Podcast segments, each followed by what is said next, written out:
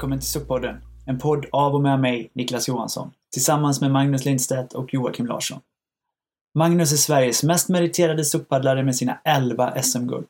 Han har dessutom revolutionerat SUP-utövandet med sin överlägsna teknik, den så kallade Nordic Stroke-tekniken, som kan liknas vid längdskidåkningen.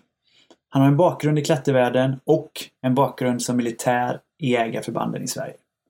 Joakim, han har ägnat de senaste 30 åren åt surf och vattensport. Tävlat på hög nivå i windsurfing med flera medaljer från VM. Joakim visade dessutom en av de första SUP-brädorna i Sverige redan 2006. Han lever numera SUP, som grundare och ägare till Sveriges ledande SUP-tillverkare. I det här avsnittet kommer jag och Joakim prata om olika brädor, upplösbara och hårda, hur konstruktionerna ser ut, hur tillverkningen går till och varför det är viktigt för mig och dig som SUP-utövare att känna till det.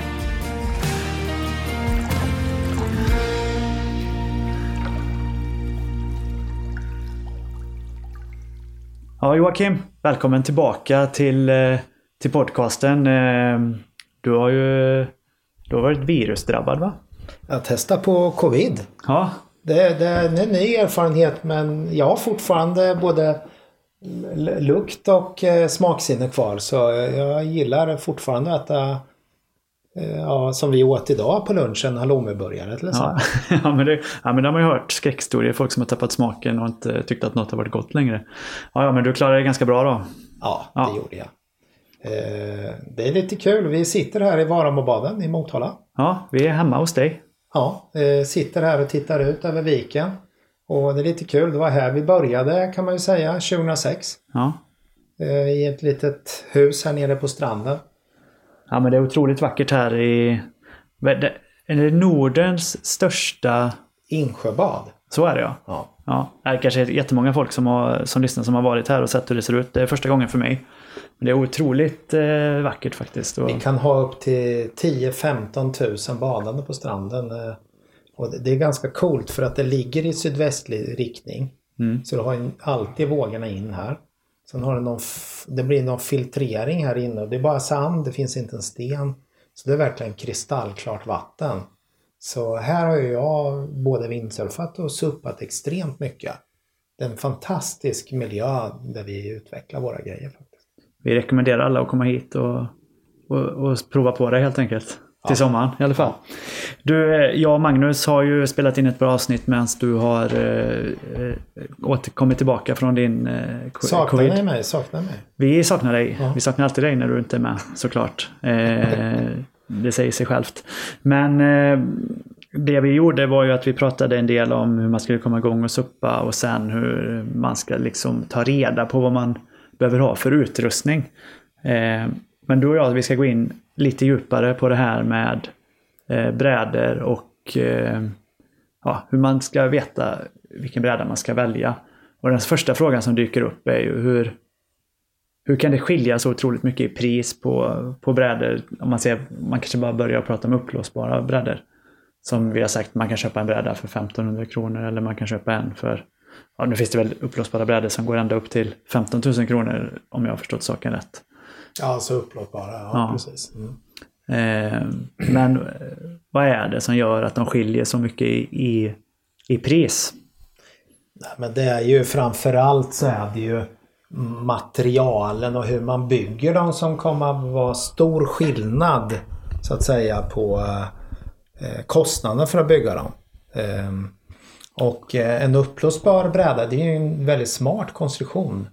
Den, eh, den, bör, den har ju funnits ganska länge men man använder ju den här eh, konstruktionen, det kallas drop stitch. Jag ska gå in lite mer på vad drop stitch är då. Man använder ju faktiskt den tekniken redan i ribbåtar i golvet när man gjorde sådana små ribbåtar eh, som man hade, riktigt små, hade man ju ett golv man blåste upp. Ja. Men då hade man ju, eh, det var ju en väldigt förenklad sak och sen var den ju väldigt tunn. Men indirekt så är det ju samma teknik som man har förfinat.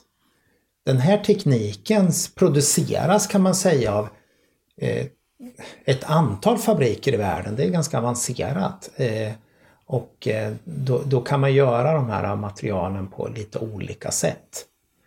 Och tittar man rent eh, liksom absolut längst ner så består det ju en ö, eh, liksom en, där man står och sen en botten och så däremellan så ligger det ju trådar. Och de här trådarna kan man då montera in på olika sätt. Och man kan ha olika kvaliteter eh, på de här trådarna. Och sen så kan man ju ha olika många och många innebär ju att man sitter väldigt nära varandra. Och sen så kan man ha olika långa. Och det, längden på de här trådarna gör ju att man får en smalare bräda eller en tjockare bräda. Och desto tjockare bräda du har kan man säga. En, en bra... tunnare eller en tjockare menar du? Eller? Ja men en tunnare bräda den blir i regel, eh, vad heter det, vad ska jag säga, mjukare än en tjockare bräda. Aha. Så man kan ju säga att det, de billigaste brädorna de är ju de är ju små, alltså de är ju tunna, de har ju korta trådar. Mm. Och de bästa brädorna har ju lite längre. Men det, man kan ju säga att en, en, en liksom väldigt eh, Eh, billig bräda, den kanske har eh, trådar som är 10 cm eller 4 tum då. Eh, och sen de som börjar bli lite bättre, de, de har 5 tum och sen kommer man upp till 6 tum, alltså 15 cm. Där är man ju i regel på de flesta brädorna. De som är tunnare, de är oftast billigare. Är, och trådarna gjorde olika material. Är alla uppblåsbara suppar av den här dropstitch-tekniken? Alla uppblåsbara suppar har ju den här typen av konstruktion. Sen kan man ju, beroende på liksom kvalitetsnivå, fina, de kan ha bättre trådar än de som är enklare. Mm. Det, det, är liksom, det, det, det är grunden. Det, det är ju trots allt att eh, om en bräda är då 11 eh, fot lång och den är cirka 30-32 bred. Så är det ju ganska mycket av brädan är ju dropstitch. Det är ju det, det, är ju det är ju stor del av kostnaden. Eller det är en del av kostnaden i alla fall. Sen så beror det ju på vad man hänger på det här då va. Kan man säga att själva dropstitch-konstruktionen det blir kärnan i en uppblåsbar SUP kanske? Ja, det kan man säga. Man kan ju säga att trådarna är en del. Sen så kan man gå in på de här olika, så att säga, dropstitchen där man har en dropstitch som eh, man, man har lagren helt enkelt enkla. Alltså man har ett enkel lager uppe och ett enkel lager nere och så sitter de ihop med trådar. Den andra, det kan vara eh, att man har dubbla lager. Och de kan ju vara limmade manuellt eller också kan de vara maskinlaminerade. Det är två skilda. Maskinlaminerade eh, skikt blir ju mycket starkare va? Slitstarkare? Slitstarkare och det blir en högre kvalitet. Blir de styvare också eller? Ja, de blir styvare. Eh, men det, det finns andra parametrar som också då hjälper till där. Ja, de här skikten, det är alltså skiktet som man står på och skiktet som är botten som du pratar ja, om? Ja, precis, precis. Så man kan säga att enkelt lager är den enklaste och, och desto tunnare de här lagren är, desto liksom mindre material och, och, enklare blir ju brädorna. Och det gör ju då egentligen att de, om de är tunna och de är enkla, då blir de ju som en luftmadrass och det är inte särskilt lätt att stå på. Sen så kan man ta det här uppåt så enkellager, eh, lite enklare och enkellager som är maskin, ja, som är gjord i maskin. Och sen har vi dubbla lager som är gjord manuellt och sen maskinlaminerade som är bättre. Och sen har vi faktiskt en spetsteknologi som har kommit nu som eh, man släppte för några år sedan. Det heter Fusion Layer. Okay. Och eh, det är ett enkellager men eh, något tjockare och mer exakt byggt. Det är både lättare och styvare. Både lättare och styvare? Ja, för ja. annars låter det ju som att ju bättre teknik desto tyngre nästan. Ja, men i det här fallet så har de blivit lättare. Och sen har man det fjärde då, där kan man ju liksom fylla på då den här fusion layer med karbonstringers på uppsidan och undersidan. Mm -hmm. finns olika lösningar men där kan man nog säga att det är den mest effektiva lösningen. Den är både lätt och den är styv. Och dyrast också då gissar jag. Dyrast och det har ju gjort då att man kan eh, göra dem faktiskt längre och smalare. Och få en väldigt bra upplevelse till till exempel träning. Eh, ja. Du eh, sa att de eh, med bättre kvalitet, de har längre trådar alltså, och alltså därför blir de ju lite tjockare då, de eh, brädorna gissar jag. Ja, de, de blir ju... mm, Jag tror att man, man hamnar där vid 15 cm eller 6, 6 tum då. Eh, där hamnar man om man ska få en riktigt hård bräda. Ja, är där det eh, går va. Eh, och sen att trådarna sitter nära då. Och sen att man har bra kvalitet där. Att de sitter tätt trådarna Ja, och att ja. de är många. Ja. För jag tänker eh, när, man, eh, när jag har pratat upp med Magnus annars eh, så säger han ju att man vill stå så nära vattenytan som möjligt. Mm. Och jag frågade honom vid något tillfälle den här dugout-konstruktionen heter det va på de hårda brädorna att man står lite nedsänkt. Mm. Om det fanns någon teknik för att göra det på Ja, det, uppblåsbara det, är ju brädor. egentligen, det är ju egentligen vårt sätt att se det där på. Eh, det är ju stability for performance. Alltså att man skapar en stabilitet så man kan öka alltså muskelkraften i paddeln. Och det gör egentligen att man ska stå närmare vattenytan. Okej. Och men, men det ska, jag kan Men- komma in på det lite senare för det är ett helt, ny, det är ett helt tänk runt det där. Och, och det kan jag... Det kan jag eh, Ja, men det återkommer vi till lite senare. ja, jag men, tror det. Ja, men eh, uppblåsbara brädor de är i alla fall jämntjocka över då. Det finns ingen sån här nedsänkning i dem eller något sånt där. Så att, en lite bättre bräda står man lite högre från vattnet på Ja, då, generellt sett. Kan ja, man säga. kan Ja. man säga. Ja. Det andra då eh, är ju de här sidorna. Det är liksom eh, hur man då liksom stänger den här dropstitchen med olika förstärkningar på sidan. De enklaste, eh, de är ju tunnare. Och sen så har de enkla sidor. Det innebär att man har bara limmat ett skikt över på sidan. Kan man säga. Sen har man ju nästa, det är ju att man har dubbla sidor. Det är till exempel som vi på Kona, vi gör inga andra brädor än dubbla sidor. Och vi har ytterligare en grej, vi har pinlane. Pinlane är en tredje skikt kan man säga som man sätter i skarvarna i andra skiktet på sidan. Det kallas pinlane. Det skapar mer styvhet. Eh, sen så finns det ju då eh, ytterligare antal grejer man kan göra för att göra de här styvare. Man kan, man kan sätta in förstärkningar på sidan. Eh, vi har en, en, en tredje, man kan säga, vi har ju vår lösning. Vi har ju ett tredje lager precis där man står på vissa modeller som ska öka på styvheten och det är ju framförallt om man väger mer. Desto mer man väger kan man säga desto bättre bräda behöver man ha. För att väger du mycket då blir det ju mycket böjkurva på brädan. Och då är det lite svårare att balansera. Så det är, när man får människor som hör av sig och köpa en bräda och väger ganska mycket. Då behöver man informera om vad det är som är skillnaden. För uppsidan när man köper en styv bräda, det är faktiskt att den kommer bli mer stabil. Och det är ju ändå det man vill. Man vill att det ska vara hyfsat stabilt. Om man så att säga är lång och liksom väger över 90 kilo på 100. Jag hade någon som hörde av sig vägde 120 kilo går. Då måste man förstå att när man är på den vikten då kan det i slutändan vara bättre att ha en, en så att säga hård bräda på grund av att där kan vi jobba med att stå längre, närmare vattenytan. Vi kan jobba med helt andra kanter på brädan. Och, och, eh, och är man lång och väger mycket, då blir ju en ganska hög gravitationskraft. Då vill, kommer man ju närmare vattenytan och så kommer man få en bättre upplevelse. Men det går givetvis att ha uppblåsbara. Uppblåsbara är ju en fördel volymmässigt. För en uppblåsbar bräda har ju väldigt mycket volym. Den är ju jämntjock. Och det kan man ju faktiskt, det, vi får ju många frågor av det här att hur mycket kan man lasta? Jo men i pri- princip så kan vi ju, alla kan ju stå på alla uppblåsbara suppar för att de är så mycket volym. Ja. Och sen så frågar man om man ska ta med ett barn. Ja men det är klart att väger barnet 70 kilo och du själv väger 90 kilo. Då blir det ju ganska utmanande att paddla. Så vi, vi jobbar ju lite grann mer med rider weight, alltså den som paddlar och lastvikt.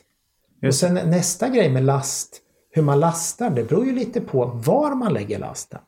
Mm. Om man har last på centrum så är det ju mycket enklare. Eh, vi pratade lite om det också jag och Magnus där att eh, många brädor, speciellt touringbrädor de har ju lastnät eller last, för att man kan sätta Mm. fast lasten på. Är den då optimalt placerad oftast eller? Ett sånt nät eller Ja, men alltså det mest, det, ja men det är det ju. Man, är- man är ute och paddlar en uppblåsbar SUP. Man kanske vill ha med lite kläder. Man kanske vill ha med en vattenflaska. Jag gissar att den mest optimala platsen är där man står egentligen. Ja, precis, man egentligen precis framför där man står. Så tittar man till exempel på som, eh, en kille som kommer, kommer att vara med i det här poddavsnittet framöver. Han heter Erik Sander. Han paddlar ju på en av våra brädor 230 mil. Ja. Han hade en hård bräda. Där special gjorde vi så att säga eh, anpassade lite mer för att han skulle kunna ha mer packning. Va? Mm. Och jag tror att han kommer att vara väldigt intressant att lyssna på när det gäller det här med touring och hur man ska förbereda sig för den här turen. Va? Vad man behöver ha med sig och hur man ska packa kanske. Ja, alltså jag är oerhört imponerad av honom. Han, han s- paddlade ända uppe från norra Sverige genom Luleå älv. Ända, ända ner till Smygehuk i Sverige. Mm. Ja, det, ska bli, det ska bli jätteintressant. Han kommer inte vara med i det här avsnittet som Nej. du sa, utan han kommer få ett eget avsnitt. Eh, men vi går, återgår till de uppblåsbara brädorna. Man kan då generellt säga att eh, det är konstruktionen som kommer ge priset på brädan. Ju bättre konstruktion, desto dyrare. Och en bättre konstruktion betyder att brädan är mer stabil, det är det man vill uppnå. Så att eh, kan man generellt säga då att ju dyrare uppblåsbar bräda, desto stabilare? Generellt. Man kan säga så här att desto billigare är desto mer kopia är det. Va?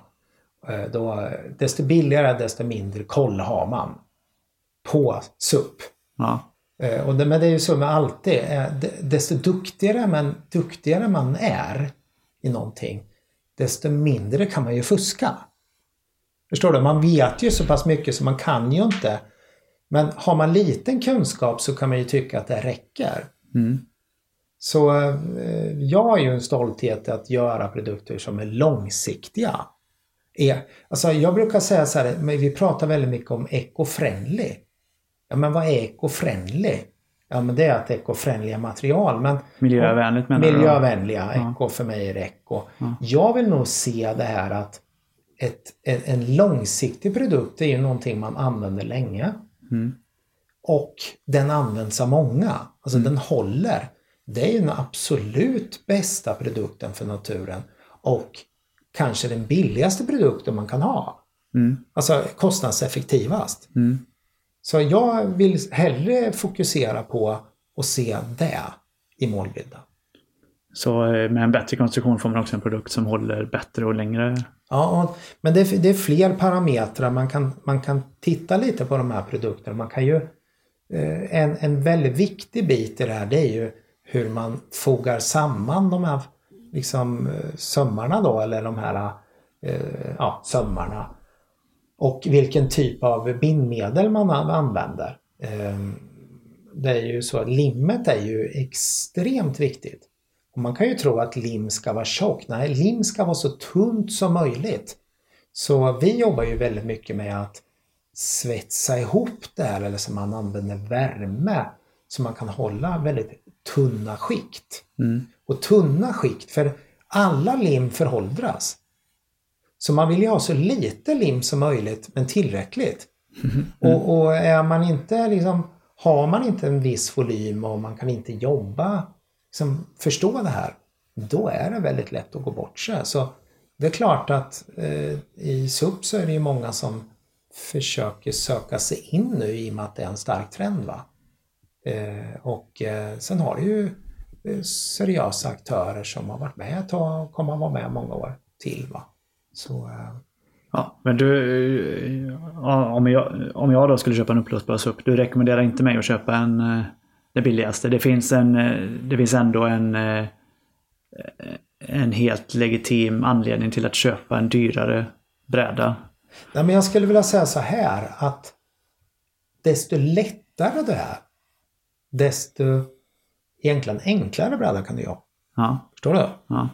Eh, Men desto kortare du är, desto smalare bräda behöver du ha. Just det. För att är du kort och lätt, då, har du ju, då blir ju vinkeln väldigt stor ut i kanten.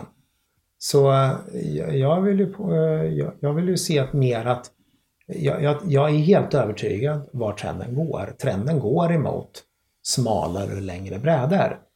För att en smalare och längre bräda, Eh, om du tänker att du har en kort bred bräda, så ska du ju vinkla ut axlarna och sen så ska du få upp hastigheten. Det är ganska stort motstånd då i en bred bräda. Då måste du ju paddla ganska hårt för att komma framåt.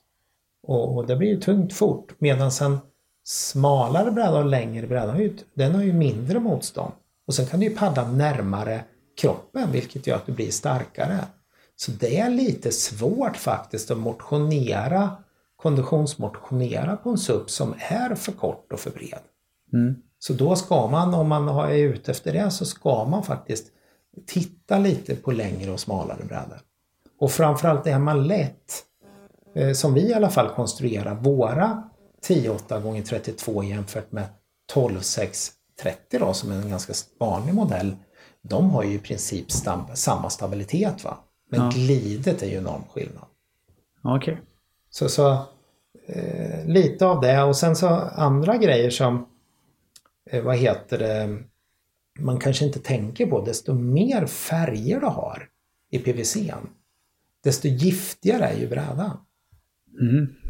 För då, då blandar du ju mer färg. Mm. Så det bästa är om man kan hålla sig vit eller nå- nå- något eh, liksom vit i basfärg och kanske ha ett EVA-däck eller sånt däck man står på eh, i någon färg då. Va? Men eh, liksom är de super eh, olika färger då har det gått åt ganska mycket färg för att färga in det. Vad händer om man inte genomför? Är det genomskinligt om man inte genomför alls? Nej, oftast är det ju oftast är det ju vit i bas eller det är ju så att när man gör de här materialen så måste man ju man, man kan ju inte bara stoppa in en meter och köra en meter. Det är ju stora batcher så man väljer liksom färger efter, efter en batch va. Just det. Ja, men jag, eh, jag har en fråga där du sa att eh, ju kortare man är desto smalare bräda vill man kanske ha då. Jag tror att, eh, jag vet inte om det är du eller om det är Magnus som har sagt tidigare, men att egentligen så kanske man strävar efter en bräda som är axelbred. Ja, du behöver ju inte, egentligen behöver du ju aldrig ha någon smalare än axelbredd. För vi har ju gjort, vi har gjort mycket tester på det där och du, du behöver inte göra alltså, du behöver inte göra brädan smalare smalare än egentligen det du kan hantera i stabilitet. Så eh, stabilitet och bredd är ju liksom, och längd, de ration. Så vi, vi har ju verkligen testat smalare brädor än vi producerar. Eh, och vi ser ingen stor skillnad. Vi har ju liksom hittat någon form av nivå där vi var på. Sen, sen om man nu ska lägre ner eller smalare brädor då kan ju det kanske vara anpassat för lätta tjejer och sådär. Jag brukar alltid dra så här parallellen där med längdåkning. Man, man sticker liksom inte ut och åker på farsans längdåkningsskidor om man är ett barn. Här, det, är ju lite, det är inte lika extremt i SUP men man måste ju ändå ha med sig att det passar sin kroppskonstitution och för det man ska göra. Mm.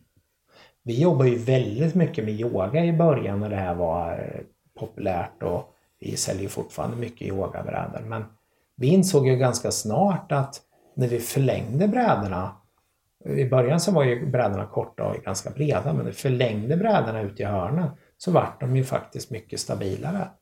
Så idag så kör vi ju samma bräda som vi har på yoga som vi eh, en 10832 till exempel går ju yoga. Vi har ju strävat efter att all, hos oss i alla fall att man ska kunna yoga på oavsett vilken bräda man köper av oss. Inte kanske racingbrädan de extremaste men Nej. Nej, men så eh, det är lite tänket att... eh, Ja, sen finns det ju det här eh, uppblåsbara teknologin. Man kom på att man skulle ha dubbla kanaler, liksom. man skulle ha dubbla luftutrymmen för att om ett utrymme skulle gå sönder så skulle man ha luft kvar.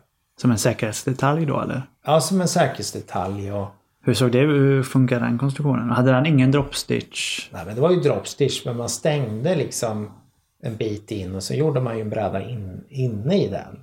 Och det som, en bräda i en bräda? Ja, precis. Och då, de, de var ju ganska tunga och det vart inget populärt och det var stor risk att de gick sönder de här skarvarna. Mm. Så eh, det, är ingen stark trend. Den är väldigt få som gör det. Vi gör till exempel ingen idag för vi har, ser inte marknaden i den. Okej. Okay. Finns det andra tillverkare som tillverkar de brädorna fortfarande? Någon, man försökte ju få det här som något ERD-direktiv men det, det, lyckas man inte med. Så. Nej, men det är väldigt få. Det är ja. väldigt få eh, som gör det. Okej, okay. så det allra mesta är dropstitch och eh, ju tätare och fler trådar och längre mm. desto bättre. Och gärna då eh, dubbla ytskikt. Ja. Sen är ju en annan grej som då är upplösbara suppar. Man kan se vissa suppar som är väldigt böjda i, i fören. Och, som en banan eller vad? Alltså lite som en banan men det behöver du aldrig ha på en upplösbar SUP för en upplösbar SUP är designad för plattvatten och eh, lite mindre vind. En eh. upplösbar SUP är inget bra när det går vågor och det är väldigt mycket vind från sidan för det är en ganska hög bräda för sidotryck och det är ganska lätt. Så vi jobbar väldigt mycket mer nu med att ha rakare brädor för att få ut, ut så att säga vattenlinjen. Och Varför vill man ha ut vattenlinjen? Ja men den glider ju bättre med mer vattenlinje. Och sen så får du upp stabiliteten också. Ja. Och det innebär ju också att eh, eh, Eh, eh, när jag kommer in på stability for performance, det är ju så att vi kan ju designa brädor idag som är, ser nästan likadana ut som man har sett förut men de är betydligt stabilare. Så vi, med tekniken så tror jag att vi kommer se de som är duktiga kom, komma göra smalare brädor med samma stabilitet. Jag är helt övertygad om att det är däråt det går. Men det här är mycket svårare än det som har varit tidigare. Det är mycket mer vetenskap bakom det. Mm. Ja men så upplåtbara, är de helt platta då? Upplåtbara? Från början är de ju helt platta. De är, men sen så bygger man in olika böjkurvor, man kallar det rockerline. Och rockerlinen är helt avgörande för brädans så att säga eh, performance, alltså brädans hastighet och, och, och eh, känsla. Så eh, det är viktigt att veta vad man ska ha för böjkurva. Tar du hårda brädor där, det kan jag berätta om sen, men har du fel teknologi där då kan du ju få precis samma bräda som skiljer 3-4 centimeter i böjkurvan på hela brädan. Och det är inget ovanligt. Det är alltså jättevanligt med fel teknologi. Och då får du ju två brädor som ser likadana ut men när man börjar mäta dem där så har de ju helt olika karaktär. Är det tillverkningstekniken som gör att det skiljer? Ja, det är helt avgörande tillverkningsteknik. Desto billigare, hårdare brädor du har, desto mindre kontroll har du. Det kan man säga. Och de hårda brädorna, om vi nu ska, ska vi gå in på hårda nu? Vi kan väl bara säga vart man, man, om man bara ger ett riktpris på upplåtbara brädor om man vill ha en bräda som ska fungera och hålla i några år. Var ska man lägga sig liksom? Ja men du ska aldrig, man, man kan säga att du, du ska aldrig under 3,9. Du ska aldrig under 3,9. Sen eh, liksom, det är ju mer att du lägger det på 4,9 och 5,9. Så fort du går ner till 2,9 då har man en tillverkare regel som faktiskt inte har sitt upp, eller som huvuduppdrag att göra en SUP-bräda. Det är snarare att man vill vara med på en trend mm. och sälja många SUP-brädor. Så eh, vi ser ju mer och mer trenden av att eh, det är hela familjer som börjar paddla. Va? Eh, och vi ser mer och mer, desto mer kunskap man har, desto liksom, mer pengar satsar man ju i sin, sitt uppdrag. Och jag menar, om du betalar 2,9 ute 10 gånger och du betalar 3,9 eller 4,9, det är inte så stor skillnad. Så har du den där i fem år. Så räknar du på det där. Det är ingen stor skillnad. Nej, Nej men så 3 och 9, där ja, går smärtgränsen. Där skulle jag kunna säga att eh, eh, riktvärde 4 och 9 och sen kanske man har då, kanske folk som, eller bolag som säljer under vissa perioder för 3 och 9. Men Ja. riktpriset ska nog ligga minst på 4 och 9 eller 5 och 9. Någonstans där. För att få en bra upplevelse. Ja, och i regel så en 10-8 gånger 32 det är ju världens mest sålda storlek. Runt 4 och 9, eh, 5 och 9. Och sen så går man upp på 12-6 gånger 30 ungefär. Då är man uppe på 6 och 9 eh, och sen uppåt kan man säga. Ja. Beroende på, då går det ju, ramlar det tillbaks till beroende på vilken teknologi man använder. För priset, om man tittar, speglar ju vad du får. Mm. Köper en enkel, dålig teknologi, den kommer inte att hålla så länge. Köper de bättre bräda, då kommer man hålla längre. Och sen vill du bara ha en bräda en säsong, ja, men köp det billigaste då. Men då kommer ju vara svårt att stå på den för att den kommer att vara så mjuk. Så du får förmodligen sitta ner på stjärten och sen paddla med paddeln. Nej, jag raljerar lite nu men Ja, men det sa ju faktiskt eh, Janne på Kona till mig att man kan kolla lite på hur marknadsföringen ser ut. Om det är någon som sitter på knä på brädan i marknadsföringen, då är det nog inte en bra bräda. Men Nej men vi har ju sett i marknadsföring där man liksom eh, på bilden har man liksom satt fenan åt fel håll. Eh, och man sitter ner på brädan uteslutande. Jag menar, det är sån här varningsflagg. ja, En SUP betyder Stand Up Paddleboard. Det står, klart att man kan sitta ner men det är ju inte det som är meningen. Nej men... Jag, men vi jag- går över på hårda brädor då. Ja. Eh, då har vi i alla fall eh, satt ett riktpris där vad man ska tänka och hur man ska tänka. Och, eh, jag gissar det är bra att fråga också om, om eh, teknologin på brädan när man köper den, eller konstruktionen. Ja, men man kan säga så här att alltså, det- om man tittar på, eh, tittar på hårda brädor. Så var SUP kommer ifrån. Från början så produceras ju det av surfshapare. Och det, först gjorde man ju det för hand. Men tittar man på surfindustrin då. Så eh, om man gör det på samma sätt. Det är helt enkelt att man använder samma maskiner som man gör då. Eller man gör det för hand. Och i surfindustrin så använder man en typ av maskin som eh, har som en trissa. Så man, liksom, man, man börjar egentligen att shapea det som är längst in, skummet. Mm. Och sen så laminerar man runt det där. Och det första var ju då att man började använda samma maskiner. Men de kunde bara göra brädor på ett visst sätt. Så till exempel när vi designar brädor, vi skickar den här konstruktionen till tre olika tillverkare så kommer vi få tillbaks på exakt samma ritning så kommer vi få tillbaks tre olika shaper. På grund På- av den eh, teknologin de använder för På att... grund av att de använder olika typer av maskiner. Ja. Alltså, det är det enklaste. Så de enklaste, billigaste, hårda brädorna de, de har eh, flera nackdelar. Det är bara så. Eh, en, en hård bräda, om man nu tar som, det där är det enklaste. Och det bästa är ju att man gör i rejäla formar där man så att säga både använder vakuum, värme och kontrollerad luftfuktighet och väldigt exakta innerdelar, laminat, rätt typ av laminat. Alltså det, Man det liksom- formgjuter då eller? Då formgjuter man ju på ett annat sätt.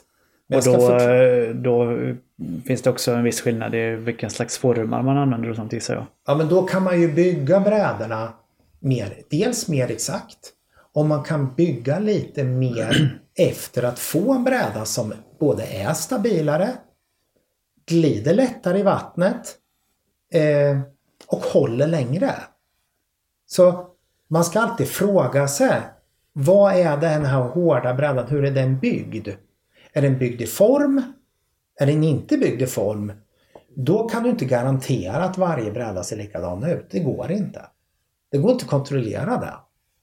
För det har att göra med eh, design, eller när man Hur är den byggd om den inte är byggd i form? Är det ett sånt shape Ja, men då, då, då liksom formar man ett skum och sen så laminerar man runt det här skummet och i och med att suppbrädor, det här skummet är ganska mjukt och när man liksom laminerar runt det här och man inte kan så att säga fixera det här skummet då kommer det hänga ner olika beroende på hur mycket plast du lägger på. Ja. Och det här är ju 100% handbyggt. Och då ibland så säger man att den är handbyggd. Alltså då ska man flagga för det här. En handbyggd suppbräda är absolut inte bättre än en alltså, maskingjord bräda. Det är snarare tvärtom. Det är ju som en cykel. En cykel som är exakt i laminaten, den kostar mer. Det är mer exakt karbon, det är mer exakt om det nu eh, den gör sig säkert i ett stycke. Mm. Så tittar man på det enklaste, det är billigt och det är inte stabilt, det glider inte bra. För att du kan inte bygga de shaperna som är bättre för stabilitet och glid. Så det är logiskt, desto bättre bräda du har, så bättre teknologi, desto mer kostar det. Så, Men får jag en bättre upplevelse? Ja, men det får du ju på grund av att du får ju en bräda som har högre stabilitet. Den glider lättare. Och en bräda som är hård, vi börjar använda det här eh, så att säga, den är både lättare, den är så att säga, eh, stabilare, den glider bättre i vattnet. Och om du lyckas bra med lamineringen då får du ju en bräda, det är ju precis som en cykel att det svarar i trampen, när du ställer dig på trampen så åker den iväg. Va? Och det har ju givetvis med paddel och paddelteknik också men om man isolerar det här så är det ju ganska stor skillnad. Mm. För om du tar en handlaminerad bräda, du gör det här, du får inte upp stabiliteten och glidet och de här grejerna.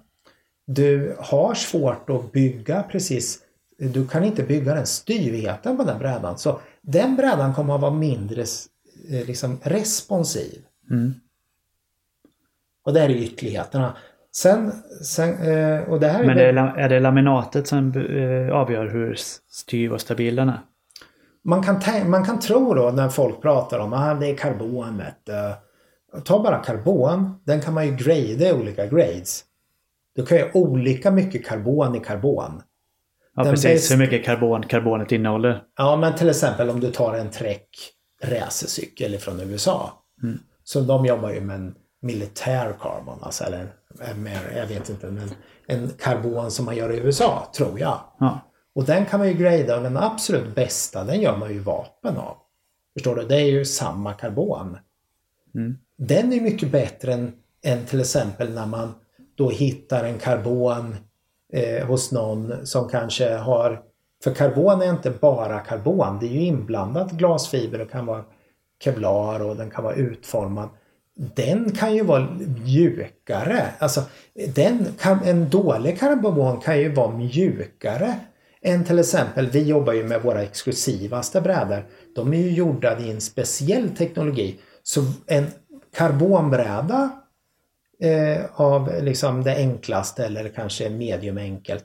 Den är ju mycket, mycket mindre styv än våran rena glasfiberbräda. För att det handlar ju väldigt mycket om att om du tar det här skummet och du laminerar över, det är ju en grej. Sen tar du en form och, och eh, så att säga, först gör du, fräser ut skummet. Eh, för då tittar man på maskiner. När man fräser ut skummet på en surfbräda då har man en trissa som snurrar. Börjar man jobba med lite avancerade så att säga, eh, formar då måste man ha en, är det, en tre eller fyra eller femaxlad CNC-fräs. Mm. Och då kan man ju börja göra de här avancerade grejerna. Men det är klart att har du ingen avancerad shapning då vet du ju inte bättre va. Men när man börjar att designa brädor för tittar man lite på eh, brädor, hur man, nu, nu kommer jag in lite på det och det speglar lite om teknologin. Om man tittar lite på det första som shapas det var ju surfshapar av Hawaii. Men det, det handlar ju väldigt lite om surfing egentligen. För 95% av all SUP görs ju på plattvatten. Mm. Man kan ju nästan se att en SUP-bräda är ju mer lik en oljetanker. Så det låter jävligt komiskt. Men om man tittar vad man har lagt ner mest pengar på design. Det är där i kommersiellt bruk där man försöker skapa så lite motstånd i vattnet. Och det är andra parametrar. Man vill skapa stabila eller stabila båtar så man kan, få- ska få på så mycket last som möjligt utan att de ska rulla. Va? Mm. Det är ju liksom, de är bäst. Ja. Tittar man lite på det, då är det det som måste eh, styra designprocessen för att skapa då en eh, en, en bräda då som är både snabb och stabil och hård. Och då tittar man, om man tittar lite på det här som är lite finare va. Vi, har ju, vi har ju producerat brädor sedan 2006 då i massor med delar av världen och vi har sett svårigheterna. Eh, det, oftast beror det ju på varför producerar man just här. Men till exempel på ett ställe där man har hög luftfuktighet. Eller hög värme. Mm. Då behöver man ju inte använda värme för då har man ju värme i luften. Mm. Men oftast på de ställen om man inte är i Sahara så har man ju luftfuktighetsproblem. Okej. Och luftfuktighetsproblem eller hög luftfuktighet det är inte särskilt bra när man laminerar. För när man har skummet och man laminerar så bör man ju få bindning i det här. Får du någon fukt så kommer du förr eller senare få delaminering. Alltså det kommer delaminera. Du bygger in problem för framtiden, du ser dem inte direkt va. Eh, och, och eh, vi insåg, det är inte så länge sedan, men vi insåg ju ganska snart att vi var tvungna att vara i Eh, dels så var vi tvungna att ha eh, väldigt bra formar. Och så var vi tvungna att jobba med den här konstruktionen ett tag. För att när vi designar det här skummet i då med de här avancerade C-maskinerna. Eh, då måste ju det matcha formen. Och man vill ju inte ha för mycket glasfiber eller man vill inte ha för mycket karbon eller material. Och sen vill man ju det materialet ska fastna i skummet. Ja. För om du inte får det att fastna, då spelar det ingen roll vilken karbon du har. Det måste ju sitta ihop. Och det har att göra med värme och luftfuktighet och sånt? Då, Ja, det har det att göra med värmen. Som vi gör, vi jobbar ju med så här, eh, stora, eh, stora liksom cementformar. Mhm. Eh, I regel kan man säga 90, 80% jobbar ju mer med en glasfiberform, en enklare form, den är inte lika stabil. Men vi jobbar ju då idag med, vi har ju valt ut där det inte finns någon luftfuktighet. Där vi jobbar med värme. Där vi jobbar med vakuum. Vi har verkligen eh, liksom jobbat länge, länge med att, så att säga, matcha skummet med formen och laminatet. Få bort de här delamineringarna. För vi har ju haft fabriker där vi har jobbat med efter ett tag där vi har haft 20% delaminering. 30% liksom. Idag har vi noll i det exklusivaste vi gör. Och det är ju logiskt att en sån produkt är ju bättre än den produkten som inte är producerat i en form eh, som kanske inte kan uppnå den här stabiliteten och, och den här grejen. Just det. Men eh, som, som en vanlig motionssuppare då. Jag förstår ju argumentet att den blir mycket hållbarare, suppen, eh, att den håller längre tid Mm. och sånt här. Men behöver den vara så exakt i sin utformning och sånt för att man ska uppleva det som Ja, men det att, att det finns ju en viktig dit om man nu... Det börjar egentligen, jag ska faktiskt gå tillbaks till varför jag tror att en stabil bräda skapar kraft. Och, och, och så ska man titta lite på hur man kan uppnå det. Så då var jag lite inne på det med oljetankers. Och eh, jag, jag är lite inne på det här hur kan man skapa brädor som är tillräckligt stabila? Då kan vi ställa frågan eh, som jag gjorde då eh, för ett antal år sedan. Jag sitter med min designer och vi hade bestämt oss att vi ska in i racing-serien och jag, jag har funtat så att jag vill ju skapa grejer som är state of art. Så ställer jag frågan till Sam så säger, säger jag så här till Sam att hur, hur bygger vi världens snabbaste racerpark? Ja, men då är det två parametrar. De ska vara smala och långa och liten våt yta. Det är liksom Liten våtyta. liten våt yta. Ja, det är det som håller emot och sen är det en viss volym. Men man, Okej, man, då, så, då säger jag så här i samma veva. Ja, men då, då måste vi ju fokusera på en enda parameter först. Och skapa ett system som vi har järnkoll. Det är ju att hur mäter vi stabiliteten? Så vi kan jobba i datorn för att simulera olika modeller för att uppnå den smalaste utan att stabiliteten är, för låg. För då kan för vi jobbar med något som heter eh, mänsklig stabilitet. Vi vet nämligen idag vilken stabilitet man klarar av ungefär. Mm. Så det, det är vårt, vi har ju stabilitetshåll och glidtal på alla våra brädor. Men det är där vi utgår. Så vi har ju struntat i att prata om eh, liksom bredder och längder. Alltså vi har ju en viss längd vi jobbar med, 14. Men vi vände ju på frågan. Så vi etablerar ju ett system eh, så vi då kunde simulera det här i datorn. Så innan vi hade gjort de här grejerna så visste vi vad sta stabilitet. Sen gjorde vi en intressant grej. Vi gjorde faktiskt en scanning då av dåtidens världens snabbaste suppar enligt liksom, utsago. Mm. Så då gjorde vi en scanning och så tittade vi lite på vår stabilitet och på det här och det visade sig att vår stabilitet var betydligt högre utan att nämna några tal.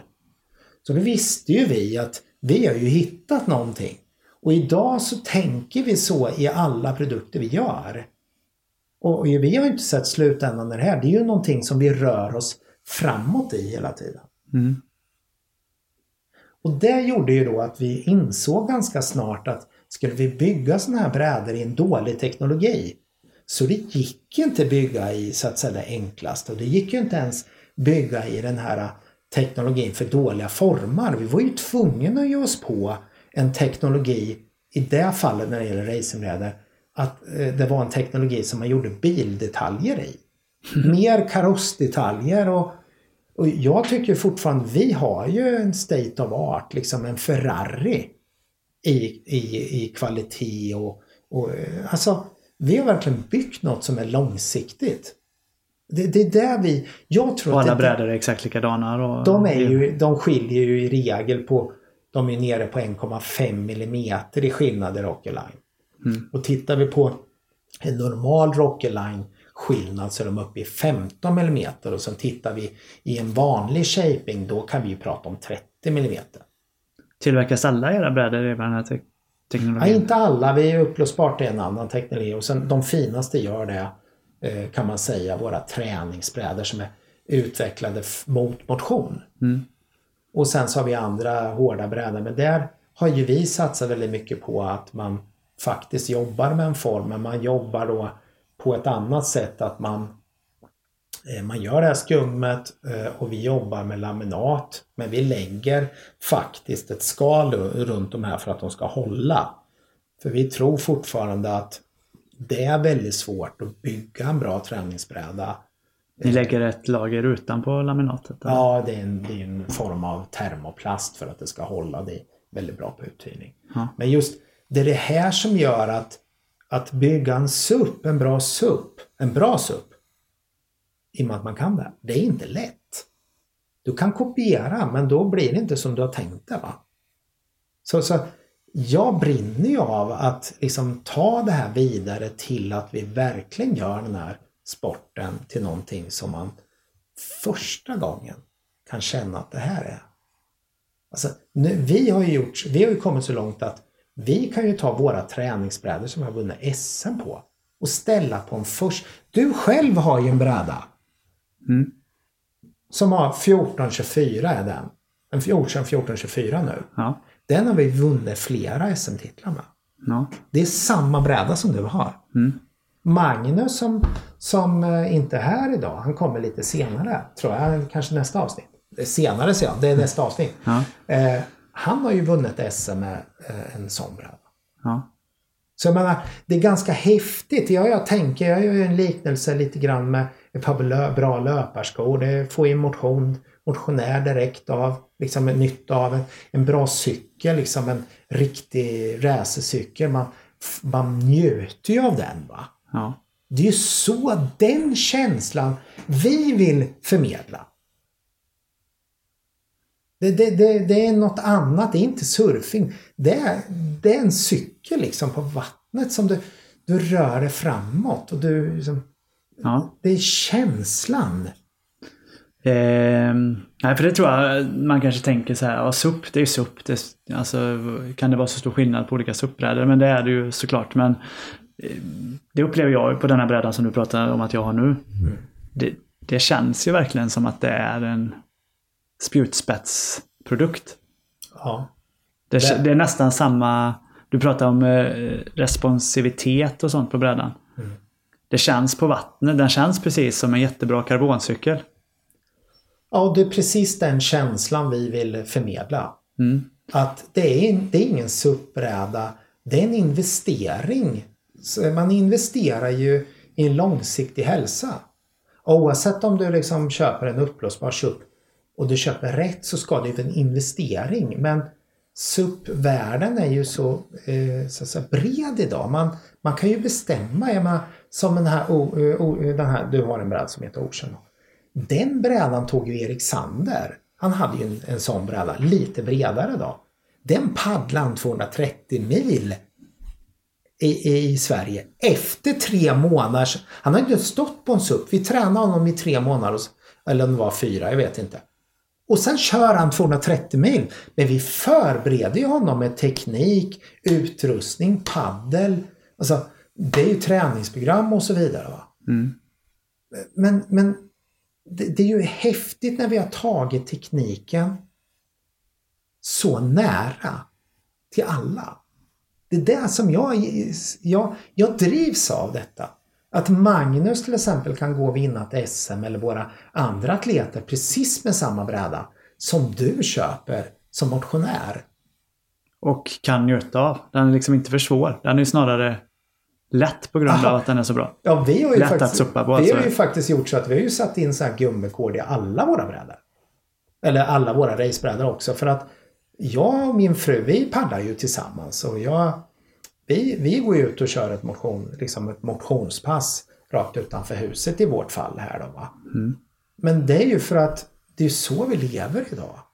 Vi umgås ju genom att motionera och vi cyklar i grupp eller man cyklar enskilt eller Ja, nej men eh, det är den känslan som jag eh, liksom Det är den jag ser, den visualiseras framför de här åren har jobbat. Men skulle du säga att eh, om man då... Nu är det ganska kostsamt med de här eh, brädorna initialt då. Om man, eh, om man inte... Ja, vi har faktiskt gjort så. Man, om man inte börjar det mest exklusiva och man förstår den här eh, liksom, logaritmen som gör skapa framgång. Då kan man inte heller göra eh, man kan inte göra avskalade produkter om man inte förstår vad man ska skala av. Nej. Så vi lanserar ju nu en produkt som kostar 16-17 tusen istället för 25 då. Mm. Men om man jämför det med en racercykel så är det ju fortfarande extremt kostnadseffektivt för den effekten du får ut av det. Så nu släpper vi ju en Ocean som är i den nivån eh, komplett med alla grejer kanske under 20 000. Va? Och den är gjord med den tekniken? Ja, den är gjord med den tekniken. Lite avskalad men fortfarande liksom en, en bra responsivitet. Vi tror ju själva att eh, det kommer att bli en bra, liksom en bra succé. Men att komma hit, det tar så många år av passionerat arbete. Jag, eller vi försöker ju sätta stolthet i det vi gör. Vi bara inte gör, vi gör varför, eller vi försöker ta reda på syftet var, var, varför vi gör det. Och i det här fallet så bygger det på den mänskliga stabiliteten som vi har liksom jobbat upp. Mm. Och, och det tycker jag är ashäftigt nu framöver när vi nu ska lansera ytterligare produkter där vi har ett sätt att göra det effektivt. Kostnadseffektivt alltså. Så om, man är, om SUP är någonting man har fastnat för och tänker fortsätta med, då är det den slags bräda man ska ha eh, i alla fall. Om man, Nej, det pratade alltså, jag och Magnus om också, en uppblåsbar, en, en sån SUP som är de är över fyra meter långa. De kanske inte är lätta för alla människor att ha hemma Nej, men och alltså, där, men... Jag tror ju att en uppblåsbar SUP, där spelar ju egentligen inte liksom längden så stor roll. Det är ju bara att släppa ur luften. Eh, men jag menar, den bästa uppblåsbara SUPen, eh, längd, är ju betydligt bättre än en billig hård bräda. Mm. Så är det. det. Så är Ja, men så är det. Okay. De, om man tar fusion layer, lite karbon och lite längre. Jag menar, om de blir längre kan de bli smalare för du får ändå ut ytan. Så våra liksom 1427 de har ju samma stabilitet som eh, nästan som en 10-8 gånger 32 världens mest sålda stol. Det är ju ingen jättestor skillnad. Det är ju där folk tror. De fokuserar sig på bredden mm. medan de ska fokusera sig på stabiliteten. Vi kan ju bygga en 10832 jätteinstabil. Och sen kan vi ju bygga den superstabil.